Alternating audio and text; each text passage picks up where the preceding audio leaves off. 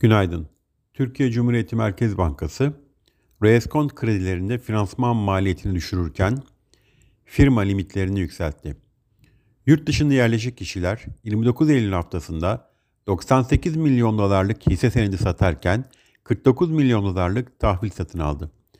Milli Savunma Bakanı Sayın Yaşar Güler, Amerika Birleşik Devletleri Savunma Bakanı Lloyd James Austin'le telefon görüşmesi gerçekleştirdi. Bugün Yurt içinde hazine nakit dengesi yayınlanacak. Yurt dışında Amerika'da tarım dışı istihdam takip edilecek.